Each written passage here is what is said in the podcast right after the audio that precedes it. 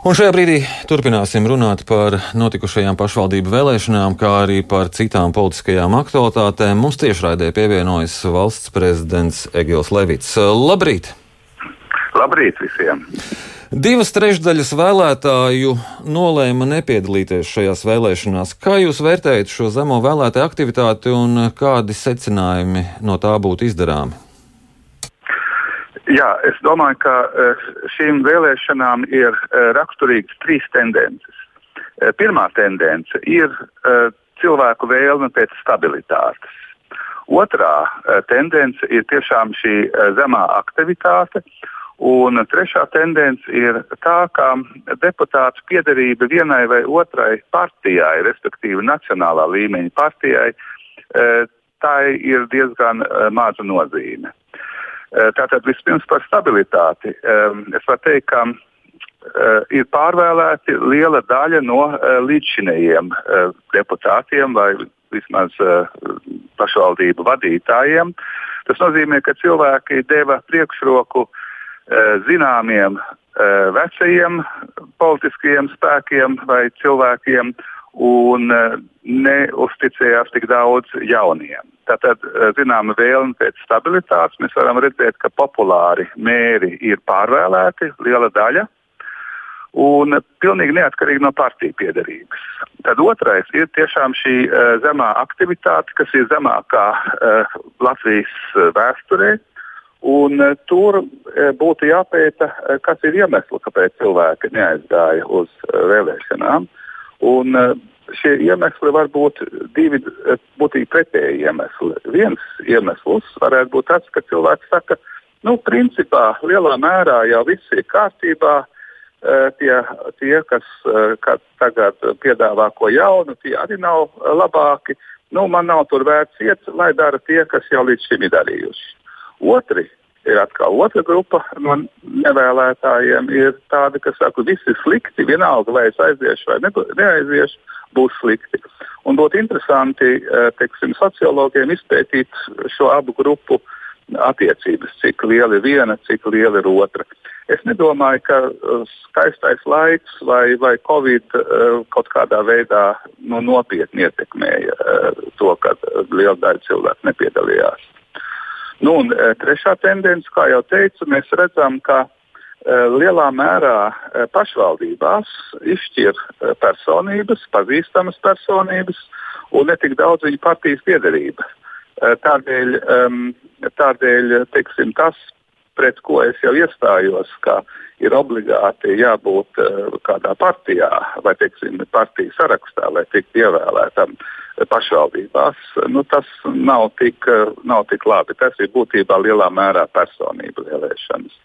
Šīs trīs tendences ir tās, kas raksturo uh, aizvakardienas eh, pašvaldību vēlēšanas. Bet eh, vai politiķiem ir jāizdara no šī kāda secinājuma un kaut kā jārīkojas? Jeb šo politiķiem ir izdevīgi tas, ka ir tik zema aktivitāte un viņi tikai koncentrējās uz savu vēlētāju mobilizēšanu vēlēšanu brīdī? Nu, ko nozīmē savu vēlētāju? Jo vairāk vēlētāju, jo labāk. Teiksim, viņi e, nebija spējuši mobilizēt lielu daļu nu, iedzīvotāju savās pašvaldībās. Un tas daļai izskaidrojams ar to, ka nebija varbūt tādi lieli jautājumi, kur cilvēki jūtās uh, arī emocionāli uzrunāti par vai pret, un tagad jāiet vēlēt vai nu par vieniem vai par otriem. Atcīm redzot, vairāk bija dominēja tādas lietišķas tēmas, uh, kur cilvēkiem tas, cilvēku, kuras uh, cilvēkus nepārāk uztrauca. Un, uh, tas arī nav, nav slikti, teiksim, ka tādi populistiski um, uzstādījumi nebija pārāk redzami šīs pašvaldības vēlēšanās. Bet, protams, katras, uh, katras, katra politiskā spēka uzdevums ir ne tikai noturēt tos, kas iepriekšējā reizē balsoja par šo politisko spēku, bet iegūt ar vien jaunus. Man jāsaka, tas, ka divas trešdaļas nav aizgājuši uz vēlēšanām, tas ir liels potenciāls darba lauks attiecīgajiem politiskiem spēkiem. Tā kā es domāju, ka, protams, ja ir secinājumi, jāmēģina iegūt vēl vairāk arī tos, kuri līdz šim, uh, kuri šajās vēlēšanās nepiedalījās. Jūs, jūs ieskatā jaunā novada kārte, cik uh, lielu labumu valstī dos un kurā brīdī iedzīvotāji to sajutīs?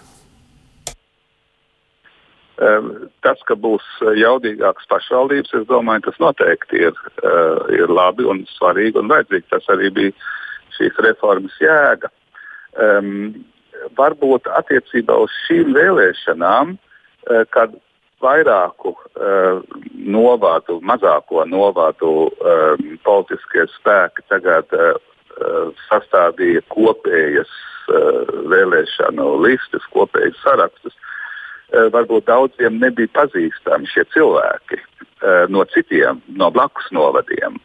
Un tas varbūt arī uh, iespaidoja nedaudz uh, to, ka cilvēki nu, nepiedalījās. Vienkārši tāpēc, nu, tur jau es gandrīz nevienu nepazīstu šajos sarakstos, jo tie nāk no blakus novada. Uh, tā kā uh, man jāsaka, ka um, teksim, tas, ka ir šī reforma un tagad ir, būs lielāks, spēcīgāks, jaudīgāks pašvaldības, noteikti nāks iedzīvotājiem pa labu. Aizdītajā nedēļā notika uh, valdības atjaunošana, nomainīti vairāki ministri, bet nav pagājis pat ne, nedēļa. Nu jājautā, uh, vai par izrunāšanos nebūtu jāatkāpjas jaunievēlētajam labklājības ministram Gatim Eglītim. Nu, katrā ziņā kaut kas tāds uh, nav pieļaujams, un es nedomāju, ka valdība kaut ko vispār par, par teksim, tādu uh, savējo pēdiņās pašvaldību īpašu veicināšanu jebkad ir, ir domājusi. Tā kā, bet tā kā, nu, tas nav pieļaujams un, un tas arī noteikti nenotiks. E, bet es nevarētu iedomāties, ka e, jaunais ministrs to patiešām domāja nopietni. Tā varbūt bija tāda spontāna, e, spontāna reakcija. E, ko, nu, kas, kas nebija pārdomāta. Es nevaru patiešām iedomāties, ka eh, viens valdības ministrs tā kaut ko nopietni domāt. Un man jāsaka, nu, nav varbūt arī eh, politikā katrs, katrs vārds jāliek uz zelta svariem. Bet ko jūs šajā brīdī sagaidīt no jaunās konservatīvās partijas, kādu rīcību? Nu, es domāju, ka, ka nu, protams, jāsaka, ka tā nav domāts un ka tā, protams, arī uh, Eh, nec eh, attiecīgā partija, nec arī visa valdība tā nerīkosies, protams. Eh, par šo valdības atjaunošanu, kā jūs vērtējat to procesu, kā tas notika? Valdības atjaunošana notika ar nolūku padarīt šo koalīciju kompaktāku un līdz ar to vairāk rīcības spējīgu. Man jāsaka, ka šī koalīcija ir ļoti, ļoti grūta koalīcija, un ar pieciem partneriem ir grūtāka nekā ar četriem partneriem. Tādēļ tas varētu, es saku, varētu. Tas nenozīmē, ka tas tā noteikti būs, bet tas varētu uzlabot sadarbību koalīcijā. Tā arī bija šī, šīs koalīcijas konsolidācijas jēga. Jūs ieskatā bija pamatoti izslēgt KPVLV? Nu, tā ir koalīcijas partneru vienošanās, ka varbūt ir, protams, ar pieciem partneriem strādāt, teiksim, pieciem partneriem strādāt kopā ir grūtāk nekā četriem partneriem. Ir sevišķi, ja kāds no partneriem, kā sakot, bieži balso pret koalīcijas lēmumiem. Uh, ko jūs, kā jūs, kā jūs vērtējat kopumā jaunie celtos ministrus? Nu, viņiem ir visi iespēja e, pierādīt sevi tagad darbā. Laiks nav atlicis daudz, ir nedaudz vairāk kā viens gads un daži mēneši līdz nākamajām saimnes vēlēšanām. Un tur uh, gluži vienkārši ir tikai pāris, pāris projektu. Katram ministram ir, ir uh, ko veikt. Un, uh, es domāju, ka viņai jaunas pārķersies klātām, kas, um, kas nu, mēs redzēsim to tātad īsi pirms saimnes vēlēšanām, vai tas ir tiešām uh, izdarīts. Bet es domāju, ka uh, šie cilvēki ir pietiekoši politiski pieredzējuši, lai, lai arī veiktu savus pienākumus.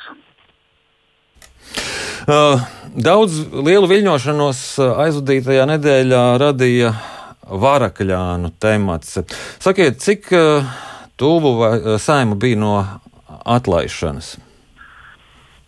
Teiksim tā, Latvija ir tiesiska valsts. Tas ir teikts arī satversmes ievadā, un pie tā pieder, ka neatkarīgi no tā, vai kādam patīk vai nepatīk satversmes tiesas spriedumi, vai viņš tam piekrīt vai nepiekrīt. Un katrs satversmes tiesas spriedums ir arī kritizējams, pakļauts kritikai, bet uh, tie ir jāpilda. Tas ir tiesiskas valsts pamatprincips. Un, uh, ja, ir, uh, ja satversmes tiesa ir teikusi, uh, nu, ka likums, kas šajā gadījumā saka, ka varakļāni piederētu pie Reizeknas novada, nav spēkā, ja nav kāda iemesla dēļ, tas ir satversmes tiesas spriedums, tad gadījumā tas ir jāizpilda. Viss. Un, eh, bet ir dažādas iespējas, kā to izpildīt, un arī pēc tam ir iespējas, kā sakot, eh, pieņemt um, citu likumu, kas nav tiešā pretrunā ar uh, satversmes tiesas spriedumu. Tas ir tā saucamais konstitucionālo orgānu dialogs. Satversmes tiesa nospriež, saima atbildi, bet nevis tiešā pretrunā. Un tad atkal satversmes tiesa var lemt, un tā tālāk. Un tā tālāk. Tas pieder pie demokrātiskā uh, tiesiskā procesa. Bet šajā gadījumā uh, saime bija lēmusi tiešā pretrunā ar, vai nevis bija lēmusi, bet nu, gandrīz nolēma tiešā pretrunā ar satversmes tiesas spriedumu. Tas, protams, ir uh, no tiesiskas valsts ļoti būtisks uh, aizskārums būtu bijis, ja tā, saima, ja, uh, tā būtu lemts. Un uh, valsts prezidentam ir funkcija arī, ko sauc par satversmes sarga funkciju. Valsts prezidents nevar parakstīt kādu likumu, ko saimni pieņēmusi, eh, kas ir eh, klajā pretrunā ar tiesiskas valsts principiem. Un līdz ar to vienīgā iespēja būtu bijusi ārkārtas vēlēšanas. Jā, tas ir, bet nu, sa, eh, saima to saprata un līdz ar to pieņēma citu lēmumu, kas nav klajā pretrunā ar satversmes tiesas spriedumu, un tad jau redzēs tālāk. Bet uh, kopumā šī tendence, ka mēs no atsevišķu politiķu puses, pat samērā daudz politiķu puses, dzirdam ļoti nicīgu izturēšanos un attieksmi pret satversmes tiesu, un uh, pat runas par to, ka mums satversmes tiesu vairs nevajag. Kā jūs to vērtējat? Nu, tas, ka satversmes tiesa ir tiesisks valsts, pieder pie tiesiskas valsts Un, um, es arī biju izstrādājis savulaik 90. gadu sākumā pirmo satversmes tiesas likumprojektu, kas vēlāk aizgāja arī saimā. Un, uh, Tad 96. gadā sāka darboties satversmes tiesa. Bet, uh, starp citu, arī 4. maija deklarācijā ir noteikts, ka Latvijā jābūt satversmes tiesai. Toreiz tā bija nosaukta par konstitucionālo tiesu. Eh, katrā ziņā tas ir pieder pie tiesiskas valsts komplekta, un es domāju, ka to, eh, tas ir nu, vienkārši jāakceptē. Tas, kā satversmes tiesa spriež tiesu, es domāju, ka satversmes tiesa patiešām labi spriež. Bet, kā jau teicu, ir iespējams un nepieciešams arī um, dialogs starp saimu un satversmes tiesu, kā jau teicu, tādā veidā, ka saima pieņem likumu, satversmes tiesa atkal izskata šī likuma atbilstību satversmē. Tad, protams, saima var arī e, šo likumu grozīt, bet, kā jau teicu, izņemot tādā veidā, ka tas ir tiešā pretrunā ar satversmes tiesas spriedumu, tad atkal satversmes tiesa var, var lemt un tā tālāk. E, Satve, e, saima var arī grozīt satversmi, un satversmes tiesai tad, protams, ir jāturās pie satversmes. Tā kā um, tas nav nekāds um, strupceļš, bet uh, nu, tas pieder pie tiesiskas valsts, ka nevienam konstitucionālam orgānam nav beidzamais vārds par kaut ko. Tas ir pastāvīgs dialogs. Jā, man jāsaka jums paldies uh, par šo sarunu. Atgādinu, ka mēs uh, sazinājāmies ar valsts uh, prezidentu Egilu Levitu.